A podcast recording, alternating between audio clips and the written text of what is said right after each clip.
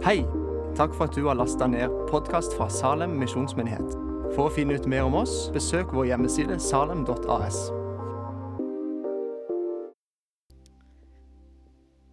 Tusen takk for at dere leder dere i lovsang.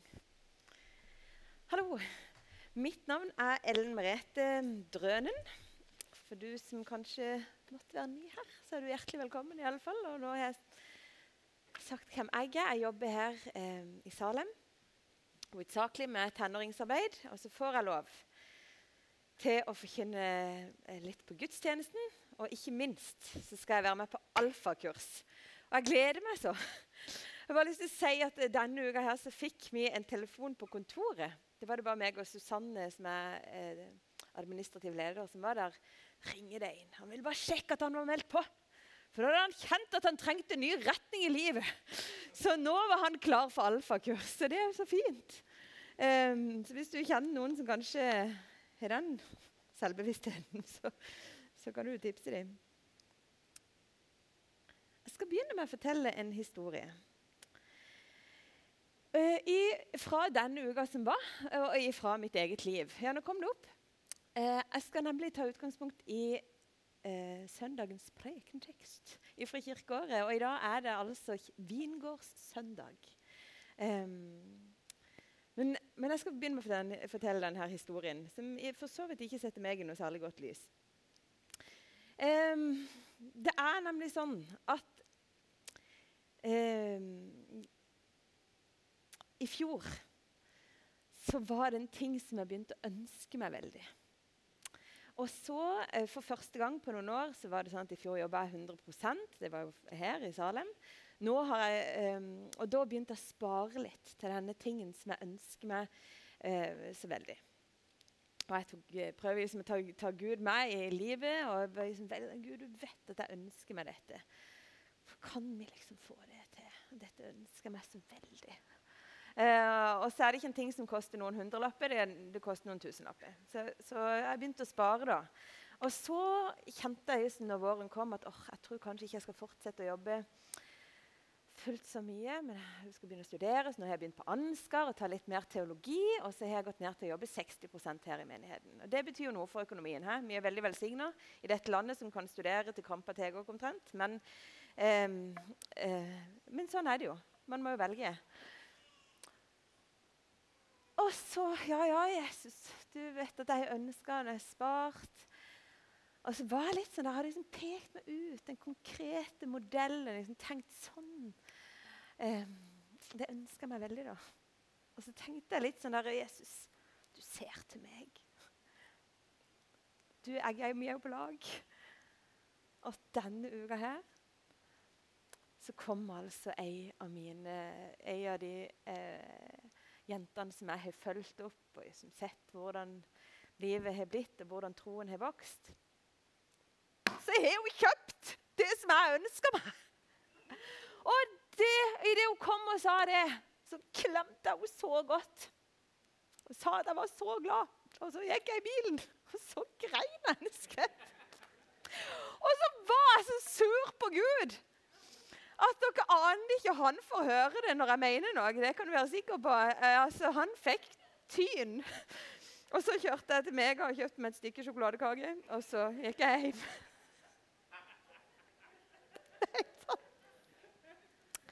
Så Derfor lo jeg litt da når jeg så hvilken prekentekst det er, og du kommer til å skjønne eh, hva jeg mener, kanskje. Vi skal lese fra Matteus kapittel 20, vers 1-16. Det er Jesus som forteller en lignelse til de som er rundt ham. Eh, både disipler, antageligvis noen som er både fariseere og, og lærde. Så sier han, For himmelriket er likt en jordeier som gikk ut tidlig en morgen for å leie folk til å arbeide i vingården sin. Han ble enig med arbeiderne om én denar for dagen og sendte dem av sted til vingården. Ved den tredje time gikk han igjen ut, og han fikk se noen andre stå ledige på torget. Han sa til dem, 'Gå bort til vingården, dere også. Jeg vil gi dere det som er rett.' Og de gikk. Ved den sjette time og ved den niende time gikk han ut og gjorde det samme. Da han gikk ut ved den ellevte time, fant han enda noen som sto der. Og han spurte dem, 'Hvorfor står dere her hele dagen uten å arbeide?' 'Fordi ingen har leid oss', svarte de. Han sa til dem, 'Gå bort i vingården, dere også.' Da kvelden kom, sa eieren av vingården til forvalteren, 'Rop inn arbeiderne, og la dem få lønnen sin.' 'Begynn med de siste, og gå videre til de første.' De som var leid ved den ellevte time, kom da og fikk en dinar hver. Da de første kom fram, venta de å få mer, men også de fikk en dinar. De tok imot den, men murret mot jordeieren og sa.: De som kom sist, har arbeidet bare en time, og du stiller dem likt med oss. Vi som har båret dagens byrde og hete. Han vendte seg til en av dem og sa, 'Venn, jeg gjør deg ikke urett. Ble du ikke enig med meg om en dinar?' Ta ditt og gå. Men jeg vil gi han som kom sist, det samme som deg. Har jeg ikke lov til å gjøre som jeg vil med det som er mitt? Eller ser du med onde øyne på at jeg er god? Slik skal de siste bli de første, og de første blir de siste. Det er en lignelse, dette. En historie Jesus forteller for å få fram et poeng. Og Han sier liksom himmelriket er likt. Og Himmelriket er likt i denne historien. Det er ikke bare likt vingården. Det er liksom hele pakka, hele situasjonen. Eh, alle som er i historien, er inkludert her. Og hvem er meg? Jordeieren. Og det er et bilde på Gud. Eh, vingården det er kanskje den verden vi er i, som er Guds domene. Kanskje er det vår menighet. For israelsfolket som hørte på, så var det kanskje en link tilbake til Isaiah og Jeremia, hvor, eh, hvor vingården var Israel. Og så er det arbeidere. Det er mennesker.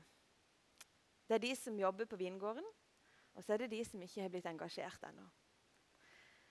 Og Hvis vi begynner med begynnelsen av teksten, det kan være lurt, så står det om jordeieren. Og dette ble så fantastisk for meg når jeg leste den teksten. For det står om jordeieren at han gikk tidlig ut. På begynnelsen gikk han ut. Hva går han ut av? Han går ut av sin egen vingård for å invitere mennesker til å være i hop med han det bare tenkte jeg litt sånn der Poeng nummer én, tenkte jeg. Det er at Gud er sånn. Og Nå er vi jo inne på juleevangeliet og liksom bare hele det her, altså det aller beste. Men Gud er den som fra begynnelsen går ut av sitt eget Hvorfor det? For å invitere mennesket med inn i det han holder på med. Gud er relasjon. Og Han inviterer inn mennesket helt i forbegynnelsen av vil du være med på det jeg driver med. Og Det er jo ikke sånn at han ikke kan klare å drive en vingård. Han er bare ikke sånn.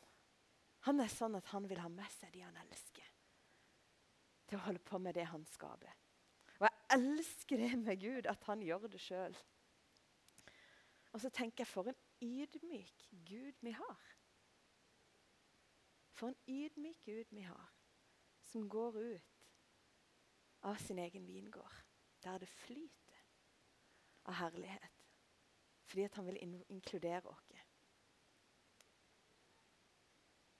Og Det er et litt annet bilde enn kanskje jeg hadde når jeg var mindre og hørte historien om jordeieren. For jeg tror, helt ærlig, så tror jeg jeg hadde et sånt bilde av en litt sånn derre vet ikke, En slags sånn der streng streng bonde eller streng slavedriver. jeg vet ikke.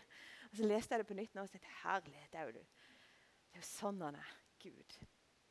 Som går ut av seg sjøl, ut av sitt eget. Og så er han så ydmyk. Og så lar han ikke sin egen stolthet stå i veien for å invitere. Og Han gjør det ikke bare én gang. Lignelsen forteller at han gjør det igjen og igjen. og igjen, og Det er den tredje, og den sjette, og den niende time og den ellevte time. Han går liksom stadig ut. I tilfelle det er noen nye. I tilfelle det er flere. Og Kanskje er det en sånn tanke om historie. altså Han kom stadig i historien. Så kan vi lese om at Gud stadig kom til mennesket. Han vil i hvert fall ikke at noen skal bli stående der uten å ha fått en invitasjon. Men så kom vi til den ellevte time. Og da ser han liksom noen og jeg forestilte meg, jeg ser liksom noen som står på gjerdet og henger. De stender liksom der og ikke gjør noen ting. Og så stiller han et himla godt spørsmål til dem. Og så sier han Hvorfor står dere her og gjør ingenting? Og det er jo alltid litt sånn når vi leser Bibelen, liksom, Hva slags stemmeleie leser du inn i det du leser? Eh, og, og, Kanskje jeg har lest dette mange ganger og hørt det, eh, liksom sånn jordeieren si Hvorfor står dere her og ikke gjør noen ting? Hæ? Nå kommer dere ut. Må få gjort noe. Men hva hvis tonefallet er annerledes? Hva hvis tonefallet faktisk er interessert i å vite noe? Hvorfor? Hva er det som gjør at du står her? Hva er det som gjør at du står at du ikke er med? Er du, er du syk? Er du, er du, sliten? Har du dårlig erfaring med å jobbe for noen? Hva er det som gjør at du ikke er engasjert? Hva er det som gjør at, ingen, at du ikke er noen plass og bruker de fantastiske talentene og gavene som er i deg? Har du blitt, har blitt såra? Hvorfor er ikke du med? Jeg så liksom for meg det. fordi at han jo, Denne jordeieren vet jo at han, eier, altså, han er eier av vingården sitt eget domene, men han vet at han møter frie folk. Og Sånn er det jo med Gud. Han har gitt dere frihet. Og han har respekt for frie folk. Så jeg ser for meg at han faktisk spør. Det er jo ikke alltid vi gjør det. Vi kan jo nesten spørre, komme med spørsmål og kommando. 'Hvorfor står du her?' jeg står ikke her. Hvorfor står du her? Og så tenkte jeg med meg sjøl at hvis de hadde svart Jeg står her fordi jeg er sjuk. Eller jeg står her fordi jeg er så jeg er så sliten og motløs. Så kan det være at lignelsen hadde hørtes annerledes ut. Da hadde det kanskje vært sånn at eh, liksom det hadde vært en link til Matteus 11 hvor det står 'Kom til meg, alle dere som strever og har vondt å bære'. Tungt å bære. Eller, eh, eller kanskje lignelsen hadde liksom vært litt sånn at eh, Ja, men da må du bli med meg til vingården min. Så skal du få drikke deg uttørst, så skal du få hvile. Og Nå leser jeg jo ting inn i, i, teksten som ikke står der, men samtidig så kjenner jeg at jeg lener meg på noe annet. Jeg lener meg på andre bibelvers i Gammeltestamentet og Det nye testamentet som sier at Gud er den som tilbyr hvile. Men de svarer ikke det. De sier nei, vi står her for ingen har spurt dere. Det er ingen som har spurt dere om hjelp. Det er ingen som har tilbudt dere noe. Altså, Vi står nå her med alle gavene og ressursene og alt det vi har. All livserfaring. Og. Men det er faktisk ingen som har spurt dere. Og så tenker jeg, Er det ingen som har fortalt dem at det er et godt sted å bruke sine ressurser? Det er ingen som har sagt til dem. Altså, enten så er det sånn at altså, de ikke har hørt det. for de har bare ikke fått med seg at det er noe som foregår. Eller så har de kanskje sett at de andre vingårdsarbeiderne de går til jobb og tilbake igjen lykkelige og glade og fulle av det nare. holdt jeg på å. Men altså, hva er situasjonen her? Siden ingen har sagt til dem at det er en god plass å være. Der alle tydeligvis kan komme. Og så tenkte jeg på en historie som inkluderer broren til ei venninne av meg. Han, han hadde liksom tatt mot til seg, han ble kjent med noen, tatt mot til seg og liksom inviterte meg til gudstjeneste. Og hva av han? Dette er en sånn evangelisttype. Og han var liksom en sånn der, Det er fantastisk, og du skal bare merke det fellesskapet. Du skal bare kjenne hvor godt det er å være med i menighet. Og så deilig å høre Guds ord, så kan du bli styrka i sjelen din. Og så får han altså til svar ifra denne som han inviterer. Så sier han nei, jeg tror ingenting på det. Og så blir han litt sånn der Tror du ikke noe på det jeg sier? Nei.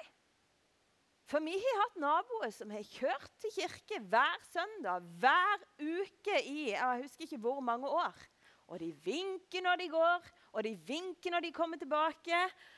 Men de har aldri invitert meg. Så så himla bra kan det ikke være, siden de aldri har spurt om vi vil være med. Ja, den er Hæ? Og Hva som er grunnen til at disse vingårdsarbeiderne står og sier at det er ingen som har spurt dere,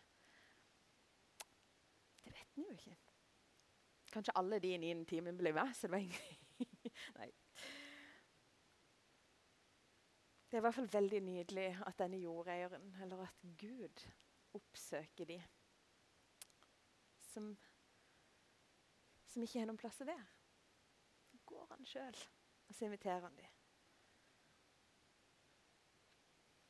Og så kommer altså det momentumet i teksten som, som kanskje rommer sånn selve sånn hovedbudskapet. For det er tid for lønning. Nå skal de stilles opp, og så skal de få lønn. Og de som eh, kom sist, de kan egentlig bare begynne.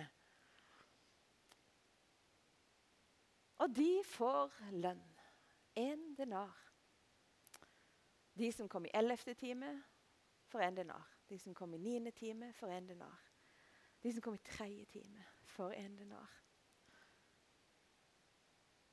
De som var med helt i forbindelsen, får en denar. Og det er jo her vi får problemet med teksten.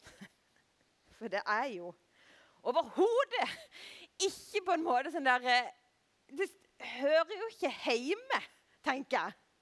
Det er jo ikke sånn rettferdighet ser ut. Hvis jeg er med og hogger ved en plass bare for å ta noe jeg driver mye med. Eh, og så hogger jeg ved i tolv timer. Og i med ellevte timen så kommer Geir sluntrende Slabbedask. Og så, og så hiver han seg med. Og så får han samme lønn som meg. Ikke tale om! Det er ikke greit.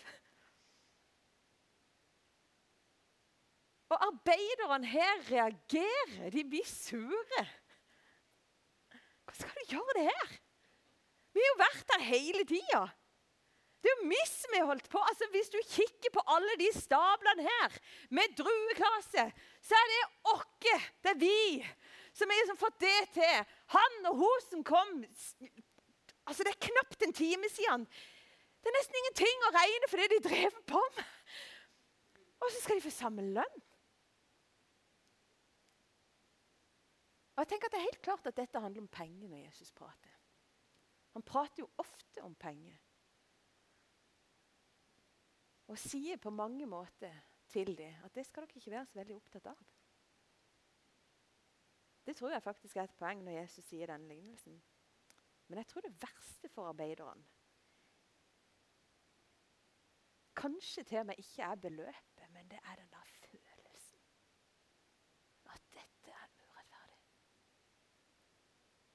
Dette er så urettferdig. Hvordan kan han være god? Og en god arbeidsgiver. Hvordan kan han være en god vingårdseier og driver når han behandler dere på dette viset her? Og jeg kjenner liksom den der Det er ikke bare sinne, men det er den utrolig sårheten. Jeg er sånn at Hvis noe er sårt for meg Nå avslører jeg noe om meg sjøl, så kan du tenke det neste gang jeg blir sinna. Men når jeg kjenner meg urettferdig behandla, da blir jeg så sint. Det er min reaksjon. Der er vi veldig forskjellige. Noen, noen trekker seg unna, eller jeg blir så sinna. Og Hvis vi ser bare litt sånn andre plasser i Det nye testamentet, så er det et eller annet i denne historien som kan minne om både historien om den bortkomne sønnen, fariseerne og, og, og, og, de andre som var misfornøyde. Når de anklager Jesus for å spise med toller og syndere, akkurat som om de skulle ha like god adgang til Guds rike. Og så er det en plass hvor en lignelse som advarer mot Eller en historie hvor eh, disiplene begynner å krangler om rang. Hvem skal få lov til å bestemme mest? Hvem skal si det opp med deg, Jesus? Og så er det meg. Eller eh, noen sender mora si. Det er jo veldig modent. Sender mora si foran for at, for at liksom, hun skal prøve å skaffe dem den beste plassen. Men det er et eller annet her. Jesus snakker til mennesket stadig vekk. Som stiller kanskje et spørsmål med altså, hvor rettferdig er egentlig Gud. Denne rettferdigheten hans forstår jeg meg ikke helt på. Jeg kom først. Vi har jo vært best. Vi har jo holdt på lengst. Vi kan mest. Og så stender det i Hebreabrevet 6.10. Hvis du skulle være sånn at du var i tvil, og, hvis, og jeg trenger å minnes om det når jeg er i tvil, så stender det for Gud er ikke urettferdig. Så han glemmer det dere har gjort. Og den kjærlighet dere har vist hans navn ved å tjene de hellige. Nå som før. Han er ikke urettferdig. Men Guds rettferdighet ser annerledes ut enn det vi legger i begrepet rettferdig. Vi er veldig begrensa i vår forståelse av rettferdighet. Og ikke minst så er vi veldig opptatt av vårt eget. Vi er de som måler liksom saft i glass. Det husker jeg at vi gjorde hjemme eh, på Slevdal, som er den gården jeg kom ifra. Var det cola eller eh, saft eller et eller annet altså, Det var målet, så ikke det var millimeters forskjell. sant? Det var rettferdighet. Og så er det sånn det er en historie som jeg elsker mer enn mange andre historier i Bibelen. og Det er ikke fordi han er bedre, men han har rørt seg med meg. Og Det er historien om Josef, som jo var Maria sin forlovede. Og Når Josef får vite at Maria er gravid, så er der altså, Og dette er før engelen snakker til han om at det er liksom Den hellige ånd og Gud som har gjort det her. Så står det at Josef ville skille seg fra Maria i stillhet. Altså i, i, i, all, i all, ro. Han, han ville bare la det gå, sånn at ikke hun skulle bli offentlig til spott. Så står det om Josef at for han var en rettferdig mann og ville skille seg fra henne i all stillhet. Akkurat som om den rettferdigheten som Bibelen snakker om, den henger på et eller annet vis sånn uløselig sammen med, med barmhjertighet. Guds rettferdighet henger helt uløselig sammen med barmhjertighet og raushet.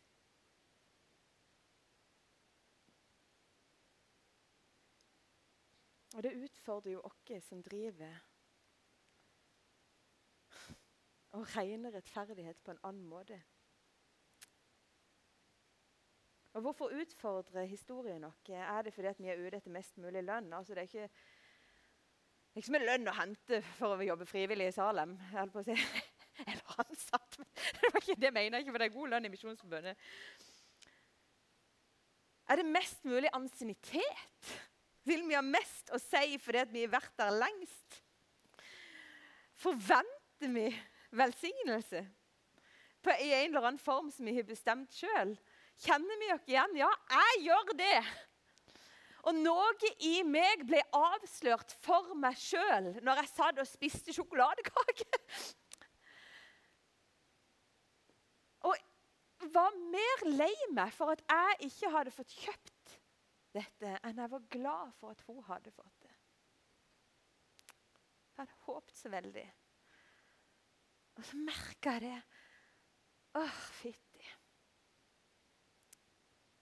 Akkurat som jeg brukte det argumentet som jeg syns er så flaut.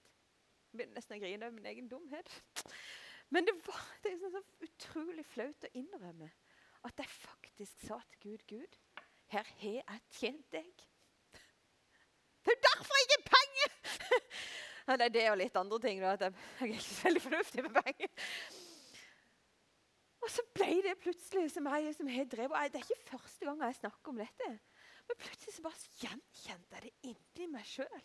Dette fins i meg. Og når noen andre yngre jyplinger enn meg hvis Jeg vedder på at dere tenker at jeg er en eller annen form for jypling. og så fins det noen som er enda yngre enn meg. Og så starter de et arbeid som bare Så vokser det fram. Altså, altså, altså Jeg har holdt på lenger enn deg. Og jeg gir meg ikke på at jeg tenker jeg er faktisk klokere enn deg òg. ja. Eller kjenner vi det, og dette har med sårhet i oss å gjøre, at kanskje vi til og med kjenner det når andre opplever noen bønnesvar? Eller en kraftig gudsberøring? Når jeg har bedt og bedt og bedt og søkt og søkt og søkt, så er det noen som bare liksom ser ut til bare altså, så blir de berørt av alt. Og så får de bare tusen bønnesvar, og de hører Guds stemme i hytt og pine. Så skal jeg kjenne at det går på tålmodigheten min løs. Og så bare elsker jeg det som jordeieren sier når de kommer og klager og sutrer. Så sier han, 'Venn, min venn'. Og det var det jeg kjente på med sjokoladekaka der. Så kjente jeg som Gud sa. Vennen min. Hva er det som er blitt vanskelig for deg her? Jeg holder jo deg oppe med min hånd. Jeg gir jo deg alt du trenger. Hva er det som ble vanskelig for deg nå? Og så tror jeg han skjønner. Og likevel så er meg og han godt innafor det som han har gitt meg et løfte om. Og det er å ta vare på meg.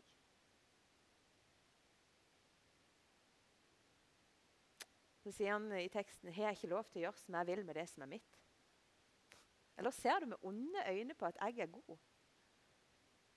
Våre onde øyne, de som er fylt med irritasjon når vi ikke vant en sak, eller misunnelse, eller kanskje er det bare de øynene som mangler raushet og jeg syns det er flaut å innrømme at dette bor en eller annen plass inni meg og dukker opp når jeg mister det viktigste av livet. Men de gjør det fordi at jeg er et menneske.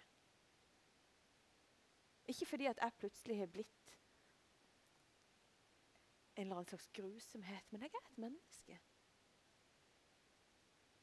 Men Gud, han som er kjærlighet, han søker ikke sitt eget.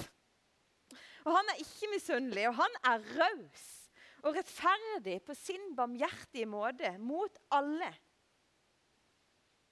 Og han har invitert oss inn til seg sjøl. Til å være med på det han driver med. Og han gir oss alt det vi trenger. Og det trenger ikke jeg bekymre meg for. I sommer så var jeg på roadtrip i California. Det var kjempegøy. Og Så kjørte vi gjennom et sånt vindistrikt som heter Napa Valley. Og Da stoppa vi på en av de eldste vingårdene, og så fikk vi en sånn omvisning der. Eh, og én ting altså Dette kan vi jo være mer eller mindre interessert i. Men eh, en ting som er helt sikkert, det er at på en vingård hvor ting er i drift, så er det bøttevis med vin tilgjengelig. Og bibelsk sett så er vinen et bilde på livet og gleden i ånden. Det er ny vin i nye skinnsekker. Det er liksom eh, vann til vin. Det er det smakløse om til det smakfulle. Og Jesus velger vinen. Vi har nettopp vært i nattverden. Han velger vinen som symbolet på sitt eget blod.